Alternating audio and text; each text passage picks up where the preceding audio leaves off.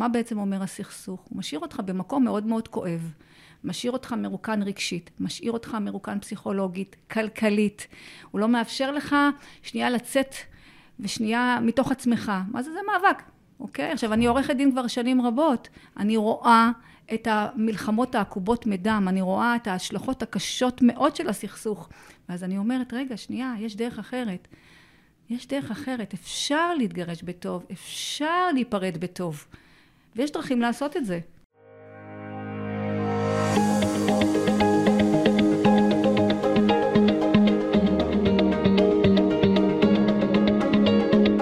נו, מה עכשיו? למה אף אחד לא לימד אותנו על החיים? לא בבית ספר, לא באוניברסיטה, לא בבית ולא באף מסגרת אחרת. לפעמים אני מרגיש שפשוט לא רצו שנדע. בדיוק בגלל זה. אני, דורון עמיתי ליבשטיין, מביא לכם את הפודקאסט "נו מה עכשיו?" מבית לייף אקדמי. בפודקאסט אני אאמת את המורים והמנהיגים המובילים בעולם עם השאלה של מה עכשיו. אני אביא לכם את הפרקטיקות המדויקות לחיים. חיים של יותר צמיחה, חיים של יותר הגשמה והתפתחות. אז אם גם אתם שואלים, נו, מה עכשיו? הגעתם לפודקאסט הנכון. תקשיבו לשידור ותגלו בעצמכם.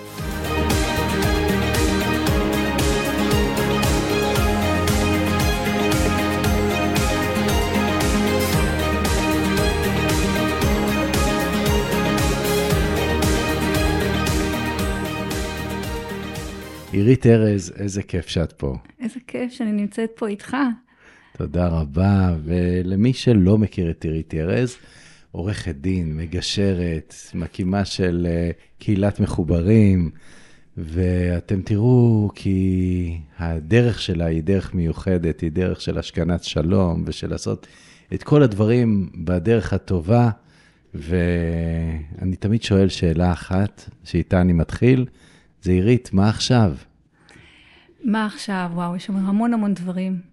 יש המון המון דברים שאני ככה בדרך, שאני חושבת עליהם, אבל uh, רובם ככה כחוט השני, זה המקום הזה של uh, להעביר את המסרים, uh, שאפשר לנהל את הפרידה הזאת, זה לקחת אחריות בעצם על החיים שלנו, לא לאפשר אותה לצדדי ג' לנהל אותנו. בעצם אנחנו לוקחים אחריות על המשבר הזה. פרידה וגירושין הם משבר, משבר מאוד מאוד כואב. ואנשים בתוך המקום הזה נותנים, נותנים למשבר הזה ולרגשות שמתלווים אליו, לסחוף אותם למקומות לא טובים. וכעורכת דין שעוסקת כבר שנים רבות בליטיגציה, שרואה את כל המקומות הכואבים ואת כל ההשלכות של הסכסוך, אני אומרת, רגע, תעצרו. רגע לפני שזה מידרדר. תזכרו, תאספו אתכם. תזכרו מה באמת חשוב. וזה מה שזה מסר שאני uh, מעבירה אותו בכל מקום. ומההתחלה את התחלת עם ההתמחות הזאת בדיני משפחות וב... כן, uh, כן, מההתחלה זה היה, כן, מההתחלה זה היה ייעוץ. כשאני הלכתי ללמוד משפטים, זה היה לגמרי המקום שהיה ברור לי שלשם אני הולכת.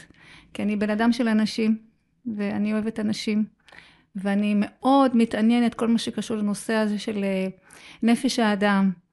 אמ, זה משהו שהוא מאוד מאוד מרתק אותי, הנושא הזה של מערכות יחסים. וזה היה ברור לי מההתחלה שזה יהיה זה. ומתי את מגיעה למסקנה שהדרך, אה, הדרך הישנה הזאת, של אה, מלחמות ושל ריבים, היא לא הדרך שלך, היא לא מתאימה לך? תראה, מלכתחילה, תראה, בסוף, בסוף זה עניין של מבנה אישיות. אני בן אדם שרואה את עצמי כמשכין שלום, כבן אדם במבנה אישיות שלי שרואה את האחר, שמבין שתמיד יש רובד גלוי ויש רובד סמוי. זה המבנה האישיות שלי. אני תמיד מתעמקת, תמיד אני מתבוננת, תמיד אני לומדת, ואני גם תלמידה שלך. אנחנו פה נציין לגבי הקורס שלך, You are the one, אה, שבעצם מאפשר לאנשים לראות את כל החלקים שבהם ולתת מקום לכל חלק. וזה משהו שעם השנים גם ככל שאני מתפתחת גם בתוכי, אני מבינה, אני מסתכלת על החיים אחרת.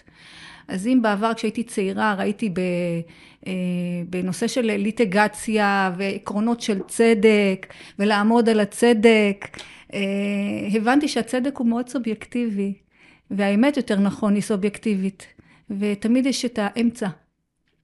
וזה מתלבש ומתכתב עם, ה, עם האופי שלי, שתמיד רואה מעבר, וטיפה מתנתק מה, מהמקומות האלה של צודק ונכון וראוי, וכל מה שלימדו אותנו, ושצריך להילחם על כל דבר. ואני מבינה שיש גם דרך אחרת. במיוחד שרואים את ההשלכות של הסכסוך אחר כך. היום אנחנו אומרים uh, לילדים שלנו שהם צריכים לבחור, לא עם מי הם מתחתנים, ממי הם יתגרשו בעתיד. זאת אומרת, הסטטיסטיקה היא, היא הולכת וגדלה, והרבה הרבה זוגות שלא האמנו בכלל שזה אפשרי שהם יתגרשו, מתגרשים. אני יכול לספר על עצמי ש... אני ושיריאל כתבנו ספרים על איך להישאר בזוגיות מצליחה לאורך זמן, ובסוף מצאנו את עצמנו מתגרשים גם. אז אה, איך מלכתחילה אנחנו יכולים אה, בעצם אה, להכין את עצמנו למערכת יחסים שיכולה להסתיים, ואולי אפילו מראש למנוע את העימותים? יש דרך כזאת, מניעה, מה שנקרא? בואו נתחיל מזה שמלכתחילה אנשים נקשרים, אני, אני חושבת שמערכות יחסים, אנשים מרפאים פצעים הדדיים אחד של השני. ויש כוונה מלכתחילה מדוע אנשים עם דפוסי כשרות נקשרים אחד לשני. עכשיו, כשאומרים לי את האמירה, אה, אה, מה שקובע לאחר מכן, זאת אומרת, זה לא נכון, אה, עם מי אתה, מה שאמרת קודם יותר נכון, אני אדייק את ה... לבחור עם מי אתה מתגרש. לבחור עם מי להתגרש, למעשה זה אותו אדם. Mm-hmm. אוקיי? כן. כי זה אותו דפוס של מערכת נישואים. אם זו הייתה מערכת נישואים שמושתתת על חברות וכבוד הדדי, ואחד רואה את השני, אתה תראה את זה גם לאחר מכן בגירושין. כשזו מערכת נישואים שבה אחד אה, היה יותר דומיננטי בקשר, היה לו כל מיני דפוסים אישיותיים, שאחד היה מרצה והשני היה מאוד אה, דומיננטי וכוחני בקשר, אתה גם פוגש את זה לאחר מכן. מבחינתי הגירושין הם איזשהי סוג של מראה גם למערכת יחסים אה, שהייתה בנישואים עצמם. עכשיו, יש פה איזשהו משהו שאתה מנסה, מנסה להכניס פה אה, אלמנטים אחרים למערכת, כי יש משבר, אוקיי? החיים מלאים במשברים, ואנשים, כל אחד מתמודד באופן שונה עם, שונה עם המשבר. אה, ואני פה מנסה להכניס שפה אחרת, כי יש פה גם מבנה אישיות, ויש פה גם את הרקע של הסכסוך, וגם את הדינמיקה, את הזוגית. אני אומרת, רגע, תעצרו את כל זה. נכון, זה קשה, ונכון, זה כואב, ונכון, היה לכם את הדינמיקה בנישואים, ונכון שיש הסכמות לא כתובות לגבי לאיפה כל דבר הולך ומה כל אחד נותן לקשר, אבל יש לנו פה ילדים. רגע, תעצרו, כי אולי הזוגיות לא עובדת, ואולי משהו בקשר השתנה, ואנשים, מה לעשות, אנשים לפעמים נישאים בגיל 20 ו-25, ובגיל 40 ו-50 רוצים דברים שונים, וכל אחד מתפתח שונה. ולפעמים אנשים מתפתחים ביחד וצומחים, ולפעמים לא. הם ברמות מודעות שונות לחלוטין, ויש להם רצונות שונים.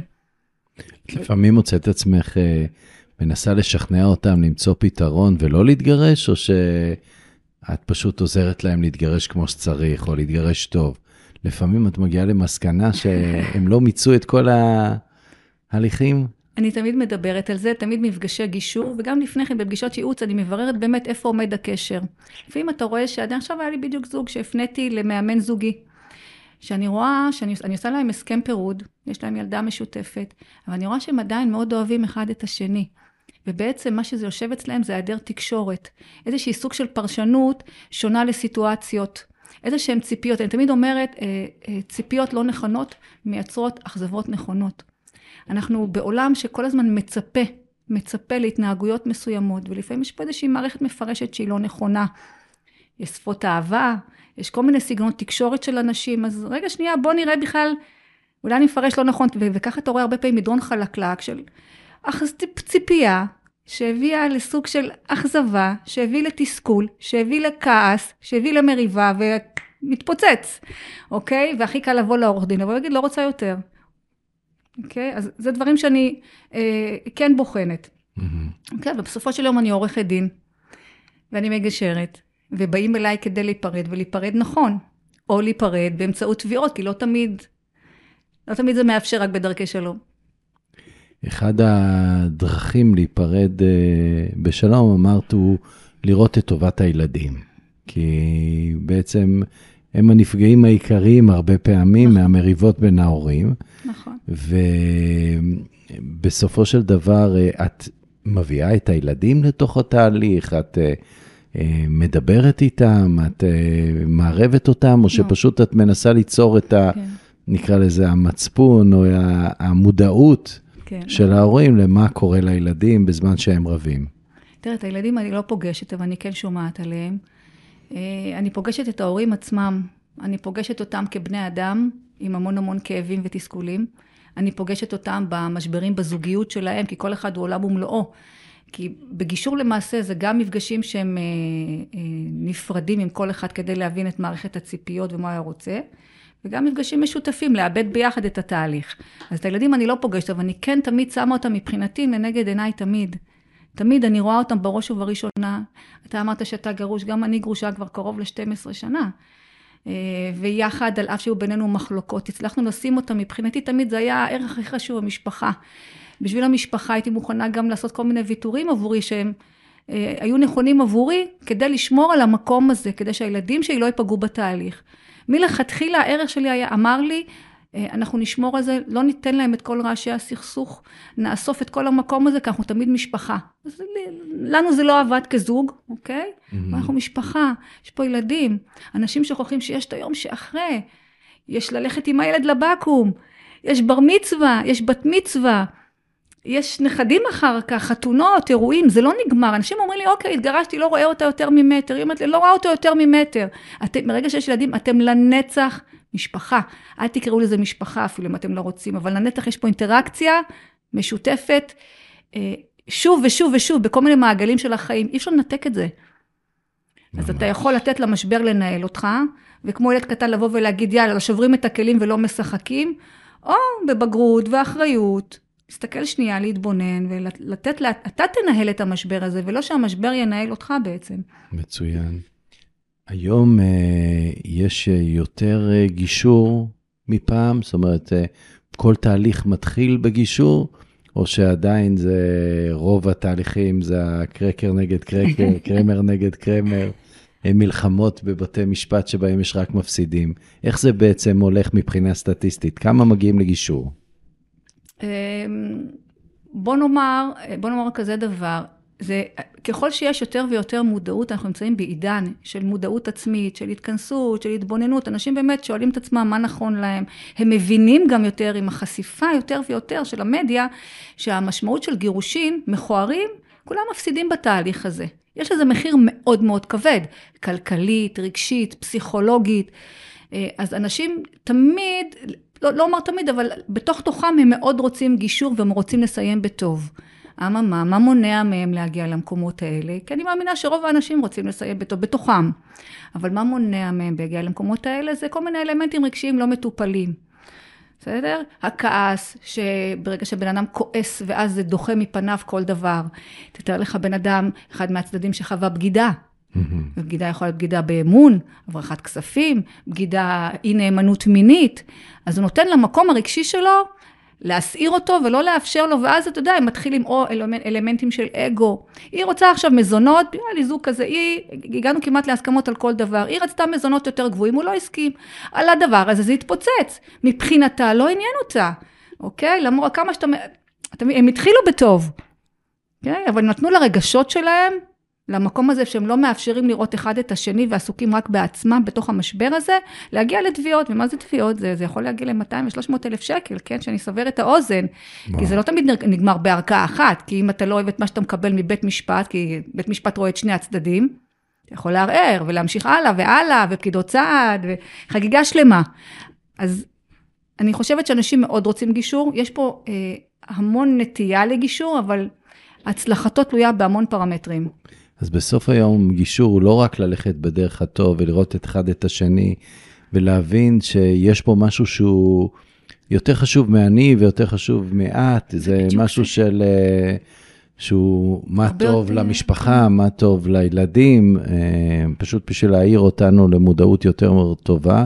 הוא חוסך נכון. המון כסף. נכון. מכיוון שבתי משפט זה דבר יקר. תמיד אומרים שלא משנה מי ניצח, עורכי הדין הם אלה שיראו הכי הרבה פרנסה מזה, ואת בבחירה שלך בגישור בעצם אה, אומרת, לא מתאים לי המלחמות, לא מתאים לי המאבקים. לפעמים אין ברירה, אבל אני משתדלת בכל מצב להגיע למצב של אה, פרידה בכבוד, פרידה ברצון. נכון, לגמרי, ממש דייקת את זה. והשאלה שנשאלת היא, בזמן האחרון, אולי בגלל שאני חוויתי את זה ככה, אבל אני שומע יותר ויותר על פרידות יפות, על פרידות טובות, על מערכות יחסים שאחר כך אה, אה, בני הזוג נשארים ממש חברים לאורך שנים. מה קורה? למה, למה יש את השינוי הזה? כי פעם כשהיינו שומעים על גירושים זה תמיד היה מכוער ומלוכלך נכון. ומלווה בהרבה מלחמות, ופתאום אנחנו שומעים על אנשים שמתגרשים בטוב. מה זה נכון, התופעה נכון, הזאת? נכון, אתה צודק. אני ציינתי את זה גם קודם, אני חושבת שזה חלק מאיזושהי אה, התנהלות חברתית כיום, שאנשים יותר ויותר מבינים את הנזקים של סכסוך, כמה זה פוגע. כמה זה משחית כל חלקה טובה, כמה זה משאיר אותם במקום של תקיעות ולא מאפשר להם באמת להגיע, אה, להשקיע את המשאבים שלהם בילדים, בעצמם, בהתחלה חדשה. מה בעצם אומר הסכסוך? הוא משאיר אותך במקום מאוד מאוד כואב. משאיר אותך מרוקן רגשית, משאיר אותך מרוקן פסיכולוגית, כלכלית. הוא לא מאפשר לך שנייה לצאת ושנייה מתוך עצמך. מה זה? זה מאבק. אוקיי? עכשיו, אני עורכת דין כבר שנים רבות. אני רואה את המלחמות העקובות מדם, אני רואה את ההשלכות הקשות מאוד של הסכסוך. ואז אני אומרת, רגע, שנייה, יש דרך אחרת. יש דרך אחרת, אפשר להתגרש בטוב, אפשר להיפרד בטוב. ויש דרכים לעשות את זה.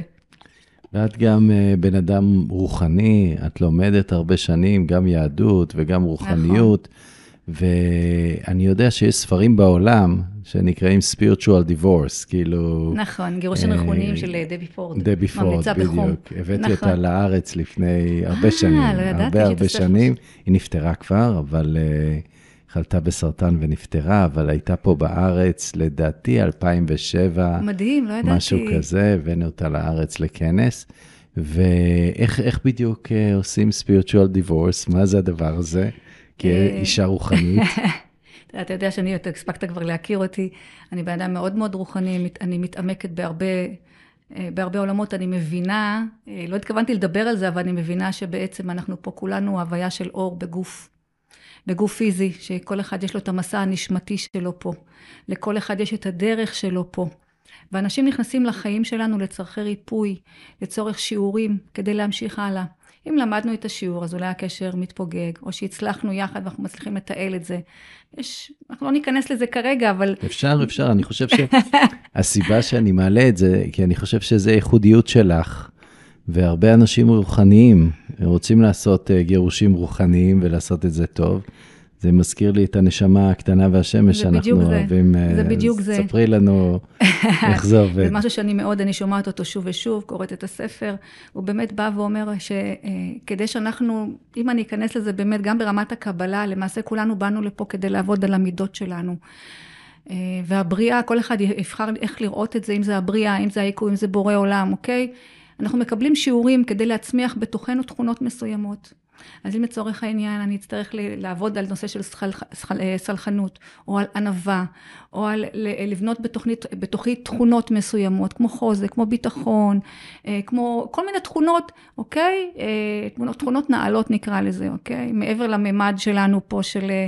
הממד באמת להתחבר לרגש ולתת לו מקום ולהעלות אותו למקומות יותר גבוהים, להבין שאנחנו נשמה מוארת כל אחד ולכל אחד יש את הדרך שלו, אוקיי? אז היקום מזמן לנו פוגע ונפגע, כי לפעמים אנחנו נפגעים מהאנשים, אבל האנשים האלה מייצרים בתוכנו תכונות מדהימות. אה, דברים שלא ידענו על קיומם בכלל, אוקיי? ואחד הדברים שאני מנסה גם להסביר לאנשים שמגיעים אליי, המקום הזה של ההאחזות, המקום הזה של המשבר, ברגע שאתה מבין ברגע שאתה מבין שיש פה תפקידים לכל אחד, זה, זה רק נותן איזשהו ריכוך, אוקיי? כי ה, בעצם כשאתה תקוע בתוך הרגש שלך, בתוך הכעס, בתוך העלבון, בתוך האשמה, האשמה, חוויות של תחישה, תחייה ונטישה שבאים, אתה יודע, מהבית, שלא קיבלו מקום, אז בשילוב של עבודה רגשית שאני מפנה לאנשים מתאימים, אוקיי? אז משהו ככה מתרכך באנשים, כי בסופו של יום זה רק עניין של תודעה. אם אני מבין את הדברים, באמת מבין אותם, זה משחרר בתוכי משהו. ממש ככה, זה...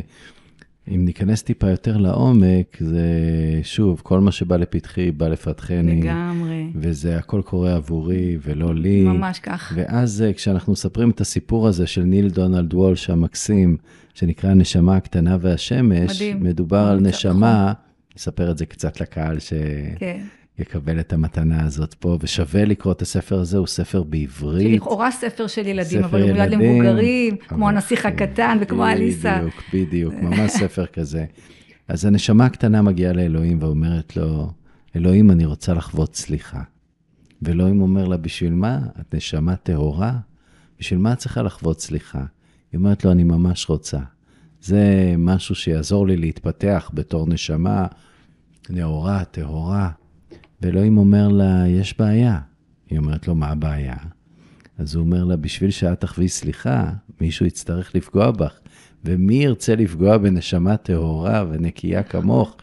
והיא אומרת, אל תדאג אלוהים, אני אארגן את זה, ופונה לכל הנשמות הטהורות האחרות, כי כל מה שיש זה נשמות טהורות, וכמובן שרק, רק אחת מוכנה לעזור לזה, הנשמה הטהורה, החברה הכי כן, טובה שלה. כן, מכונה נשמה ידידותית אפילו. ממש, כן. הכי קרובה אליה, הכי חברה שלה, והיא אומרת לה, אני אהיה מוכנה לרדת איתך לכדור הארץ, ולעבור איתך חיים ולפגוע בך כדי שאת תוכלי לחוות סליחה. אבל אני מבקשת שתזכרי רק דבר אחד. כשאני פוגעת בך, תזכרי שאני נשמה טהורה בדיוק כמוך, ושאני באתי לפה לעזור לך לחוות סליחה. הנשמה הקטנה מאוד מודה, אומרת תודה, ואלוהים אומר לה, אני שולח לך רק מלאכים. I send you nothing but angels. וזה אומר שהבני זוג שלנו, שנראים כפוגעים הכי גדולים כשאנחנו נפרדים מהם, זה מתחיל באהבה גדולה, נכון. ונגמר נכון. הרבה פעמים במפח נפש ובאכזבה ובפגיעה, הם בעצם גם המורים שלנו. נכון. הם גם הנשמות הטהורות האלה, שבאו לעזור לנו לעבור מסע של התפתחות. לגמרי, מדריכים מוכנים אחד של השני. לגמרי, ככה אני רואה את זה. תראה, כשאתה באותה סיטואציה, סיפרת את זה כל כך מקסים, נשאפתי לתוך ה... אה, אבל אה, צריך, תראה, זו גישה שאתה בתוך הכאב נורא קשה. צריך אנשים באמת להתחבר למקום הזה, שמבין שיש משהו מעבר, ושכולנו פה באנו להתנסות, ולכן כשמדברים גברים שכולנו רקמה אחת אנושית, בסדר?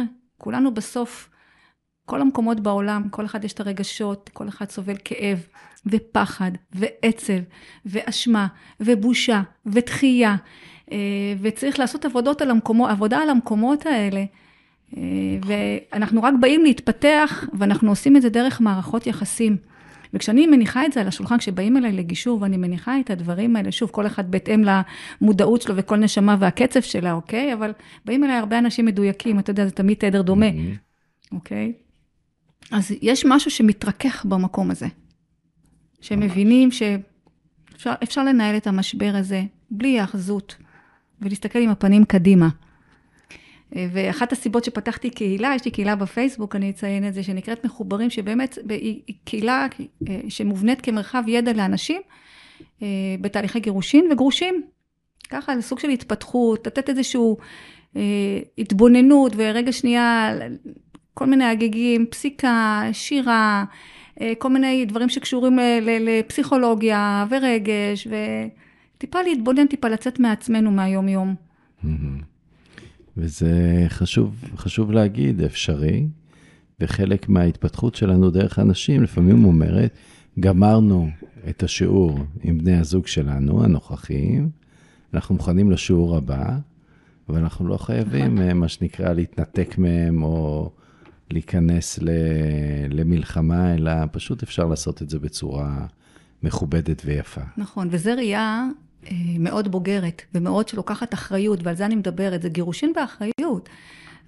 כל מה שאנחנו מדברים עליו בעצם, זה בא ואומר, רגע, אלה החיים שלי, אני יכול לבחור לנהל אותם, וזה אומר לפעמים לקחת אחריות ולהתבונן על כל המעשים שלי, כל דבר בעצם, דיברנו על זה לא מזמן, ככה בינינו. נכון, ב... נכון, נכון. שעל כל דבר במרחב שלי אני לוקח אחריות. אני לוקח אחריות על הילדים שלי, על הרגשות שלי, על האופן שבו אני מתנהל בעולם, לאיפה אני רוצה לקחת את עצמי, איך צריכה להיראות המשפחה שלי, והכל באמת במקום מאוד שמתבונן על הדברים ולוקח אחריות עליהם. או שאתה בא ואומר, אני, אחרים ינהלו עבורי את החיים. בדיוק. וזה נראה גם כך.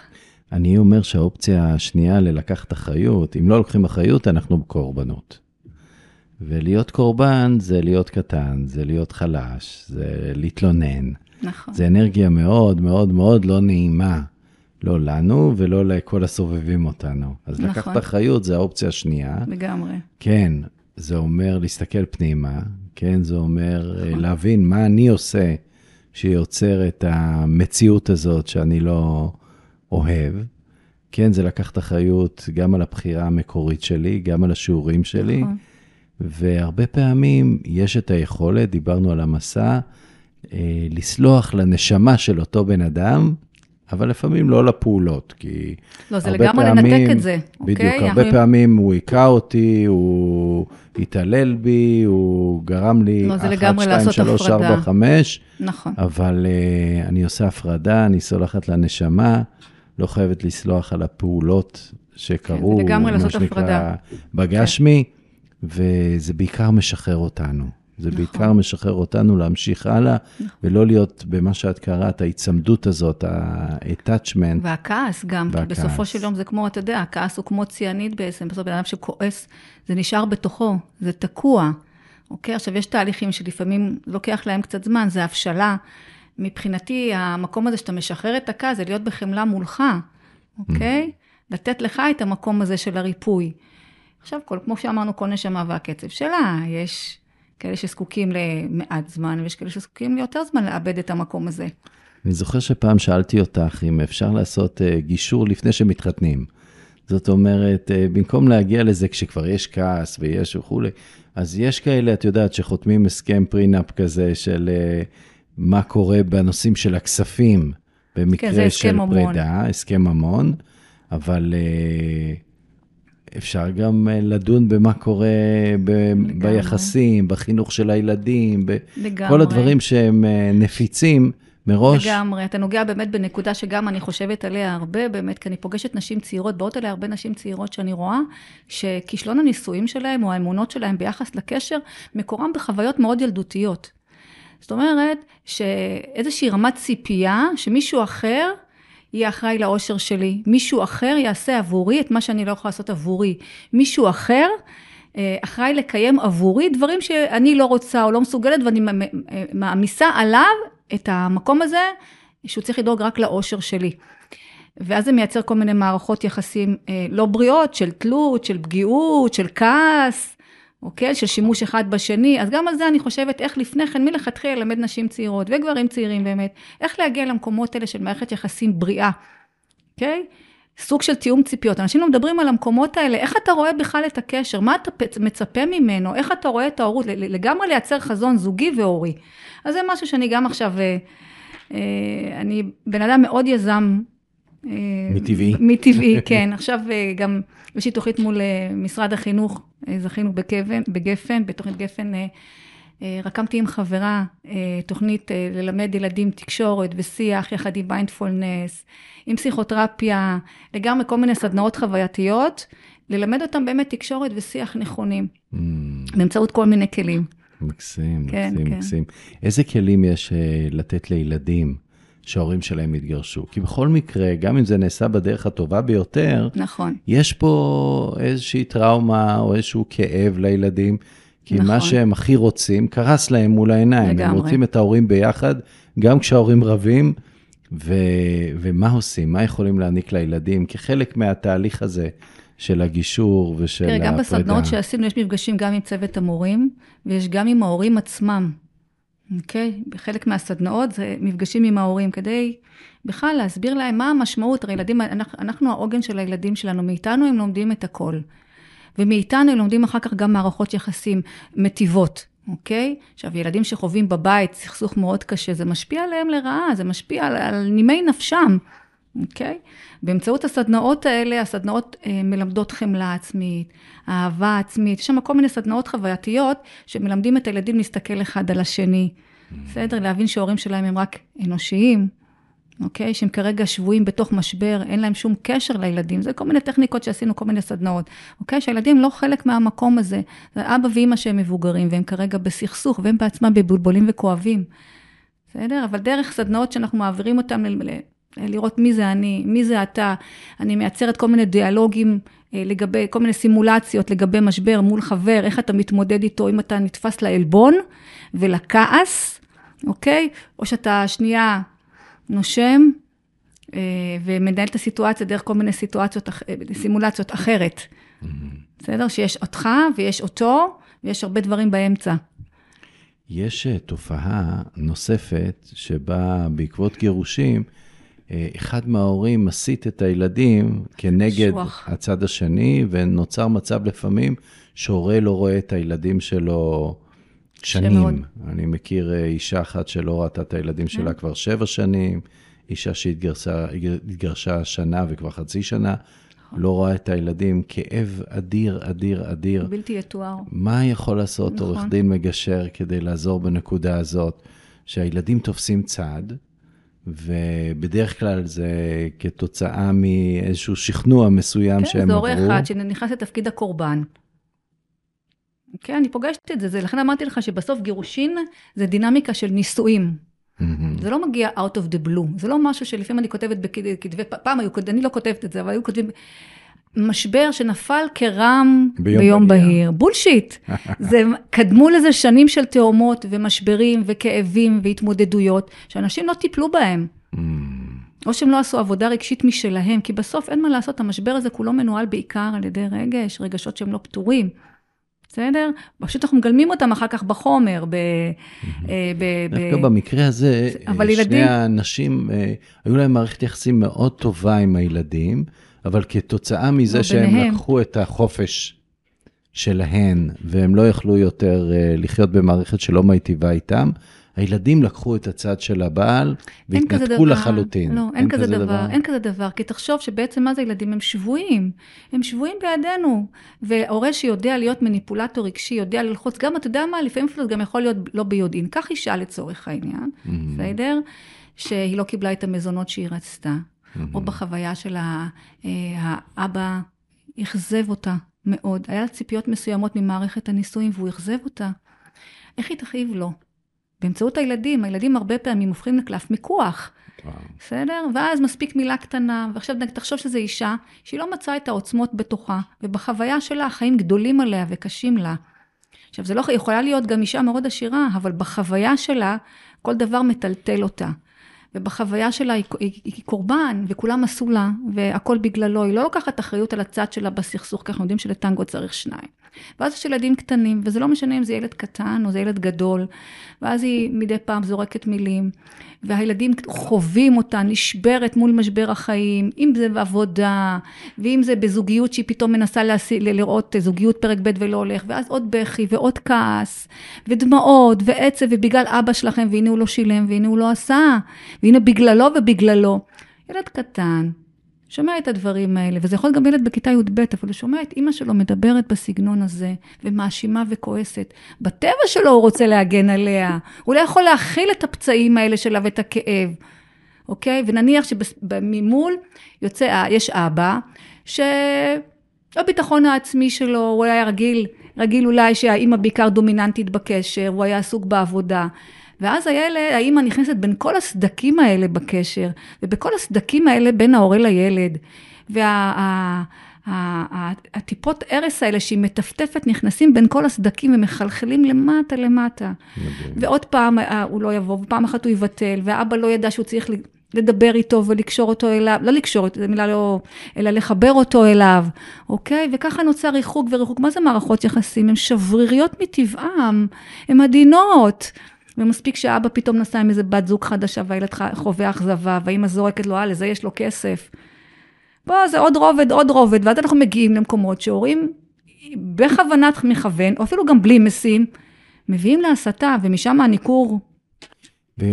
ויש דרך להכריח את הילדים להיות בקשר עם אחד ההורים כשיש ניכור הורי, אם הילדים לא רוצים, יש כזה אופציה של אה, בית המשפט או של... תראה, מבחינה משפטית, לבית המשפט יש פתרונות, אבל להגיד לך שהם ממש ישימים? הם ברמת האנשה. אנחנו יודעים שאהבה אי אפשר לכפות. אהבה, אתה יודע, זה משהו שהוא... הדבר הראשון שאני חושבת שאיך שאדם מרגיש שמתנהלת פה איזושהי סוג של הסתה, והילדים מראים סוג של סגירות וניכור כלפיו, לפנות לעזרה מקצועית. זה בראש ובראשונה. כי כשאתה תופס אותו בראשיתו, אתה יודע להתמודד. כמו לכל דבר, אנחנו צריכים כלים. כעצמאית, אני הולכת לרואה חשבון, אני הולכת למשווק דיגיטלי, אני הולכת uh, לקבלת עזרה מהדרכת הורים וכיוצא בזה, מטפלים כדי לייצר איזושהי מעטפת. אתה לא יודע, לך, זה, עזרה מקצועית. זה פסיכולוג. זה, זה פסיכולוג, זה מטפלת רגשית, זה מכוונת, מדריכת הורים, שתיתן לך כלים איך להתמודד בסיטואציה. זה משהו שאתה יכול לתפוס אותו בראשיתו. כי ברגע שאתה מרגיש שאתה לא יודע איך להתנהל, אז אתה יכול או לייצר, אה, לכפות על הילד והוא עוד יותר יתרחק, או שאתה יכול להיעלב. היה לי גם תסקירים כאלה, שההורה כל כך נעלב מה, מהניכור של הילד שהתבצר, בת... הוא לא רוצה יאללה שילך, לא צריך, אבל הילד בתוך תוכו משווע לאהבה, משווע להורה שיגיד, אני לא מוותר עליך, אני רוצה אותך. ואת הדבר הזה, את האמירה הזאת אפשר לעשות בהמון אופנים. מדהים, זה ככה יצא לכם ההורים. שחווים ניכור, או זה קורה בסביבה שלכם, לא לוותר על הילדים, לא לוותר, אבל לקחת עזרה. מתנהגים אליכם בצורה הכי אגרסיבית שיש. זה ילד פצוע. ילד פצוע. יש עוד תופעה שאני רואה סביב הנושא של אה, גירושים, זה הנושא הזה שכשצד אחד לא רוצה להתגרש, עגונות למיניהם, כן. וממש תופעות כאלה שאחת רוצה את החופש שלה, או אחד רוצה את החופש שלו, והשני לא רוצה. מה עושים עם נכון. זה? אני יודע שביהדות זה קצת יותר אתה מורכב. אתה לא יכול לכפות גט. צריך לקבל אותו ולתת אותו מרצון חופשי, אחרת זה נקרא גט מעושה והוא בטל מעיקרו. ולכן אנחנו פוגשים מסורבי גט. זאת אומרת, גם נשים וגם גברים, כן? כן? אני אחדד את זה.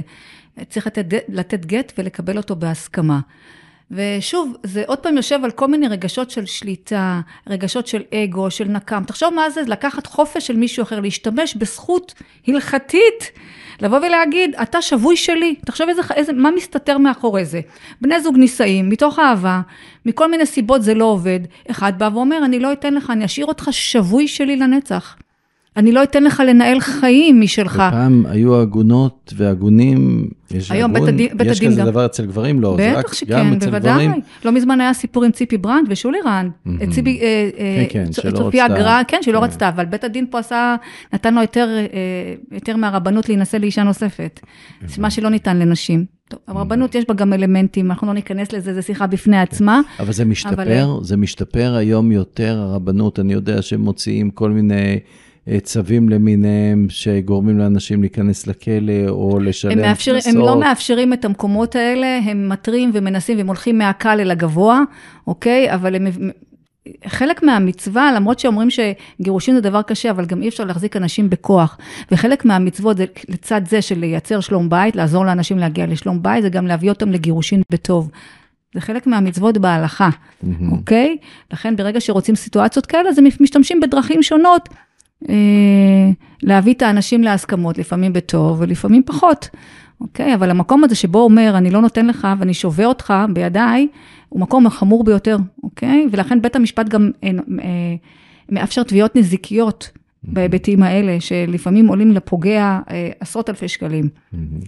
עוד דבר שאני רואה אצל זוגות, זה מנסים כל מיני פורמטים שונים אה, למה שהיה פעם אה, יחסים מונוגמיים. אה, אוקיי. זאת אומרת, כל כן. מיני כאלה תופעות של אה, פוליומוריה ונישואים פתוחים. אני יודע שזה מוביל לאתגרים מסוג אחר. זאת אומרת, כן. זה לא שנגמרים האתגרים, אלא פשוט אה, אה, מחליפים אתגרים באתגרים. בדיוק. אז זה, זה, זה, זה משהו שאת רואה כפתרון שמצליח אצל זוגות שבאים אלייך, או שזה רק דוחה את הקץ, שזה עוד שלב בדרך ל, לגירושים. כן, אני חושבת שנתת את התשובה, התשובה היא בגוף השאלה. אנחנו פשוט חיים, ואתה יודע את זה, בעולם של הסחות דעת, אני קוראת לזה. הסחות דעת זה בא ואומר כל מיני התמכרויות שונות, בריחה מהעצמי, אז אנשים בטלוויזיה ובסמארטפונים, אה, ובכל מיני דברים, ובבילויים למיניהם, וכל מיני דברים, אתה יודע, שכדי טיפה...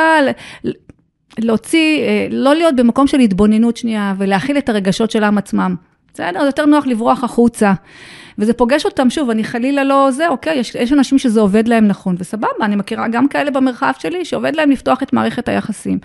בסדר? רוצים יותר רגושים, יותר, רוצ, רוצים יותר עניין, אולי אנשים שהם מבוגרים יותר ויש להם קשר נהדר. ואת רואה שזה מחזיק לטווח ארוך? אז אני חושבת שהשורש של זה, השורש של כן. זה, אם אתה לוקח את זה כבריחה ממערכת יחסים שהיא לא מוצלחת, ברור שזה יתפורר.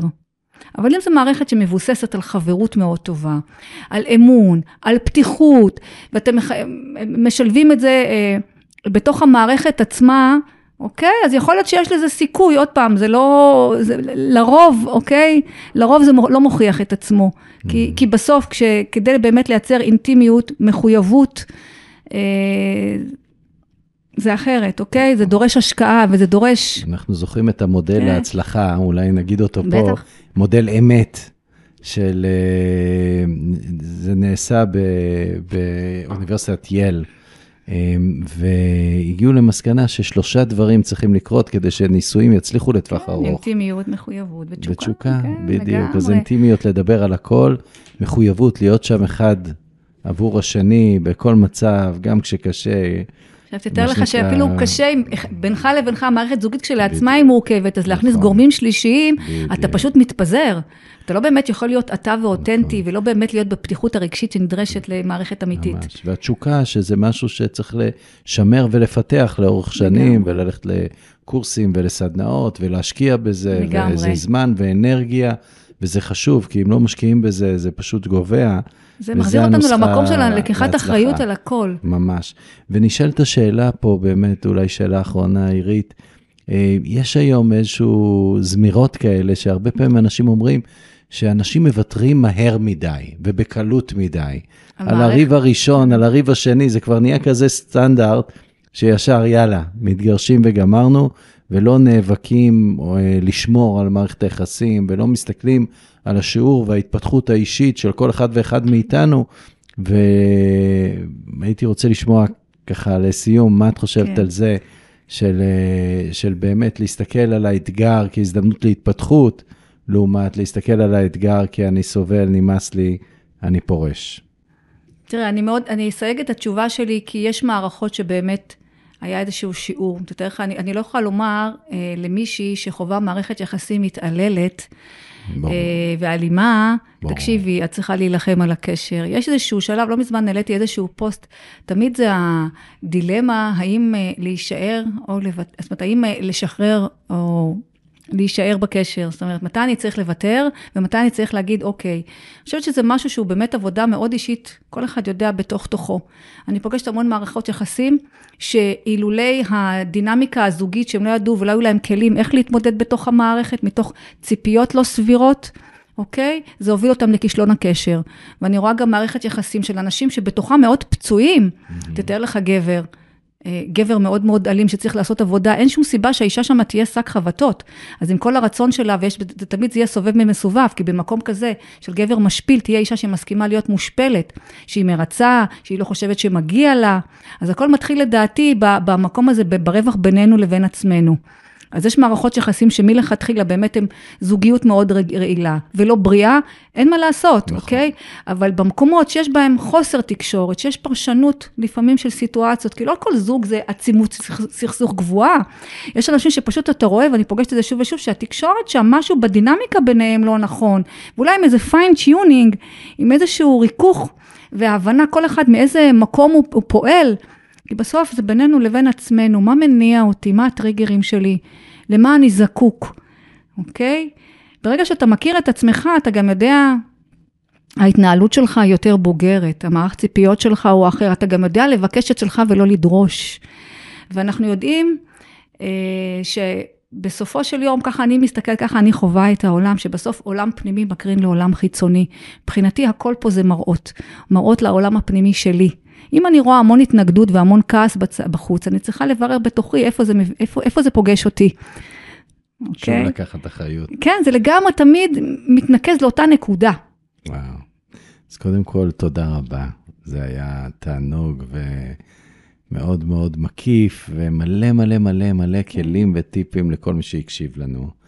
מי שרוצה לשמוע עוד קצת על, עירית, אז יקבל פה למטה כישורים לאתר, לקהילה, מחוברים, ותהיה לכם אפשרות באמת אה, לשאול, להתייעץ, אה, בשמחה. ולעשות את הדברים. כמו שצריך. אהבתם את הרעיון הזה, את הפודקאסט הזה? שתפו אחרים, תהיו נדיבים, תעבירו להם הלאה. ככל שיותר ויותר אנשים ישמעו את זה, ככה אנחנו נעזור. ויהיה לנו פחות אה, מלחמות, פחות ריבים, הרבה פחות או מעט ילדים אה, יסבלו מהגירושים של ההורים שלהם, ומי יודע, אולי אה, נוכל לעשות טוב ולהפוך את העולם למקום יותר, טוב. לגמרי. בדיוק. אז תודה לגמרי. לכם, תודה לך. תודה, ולהתראות. תודה שהזמנת אותי.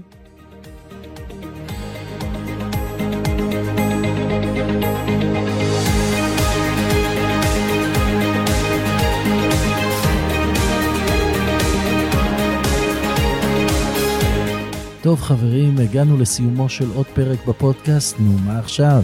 במידה וקיבלתם ערך מהפרק הזה, עזרו לנו להפיץ את הבשורה. שתפו לפחות חבר אחד שיכול ליהנות מהערך הזה. בכל פרק מצורפות לכם שלושת הפרקטיקות עליהן דיברנו בפרק. צאו ויישמו, כי להקשיב בלי להתאמן ולממש, זה לא ממש עובד. אני הייתי דורון עמיתי ליבשטיין, ונתראה בפרק הבא.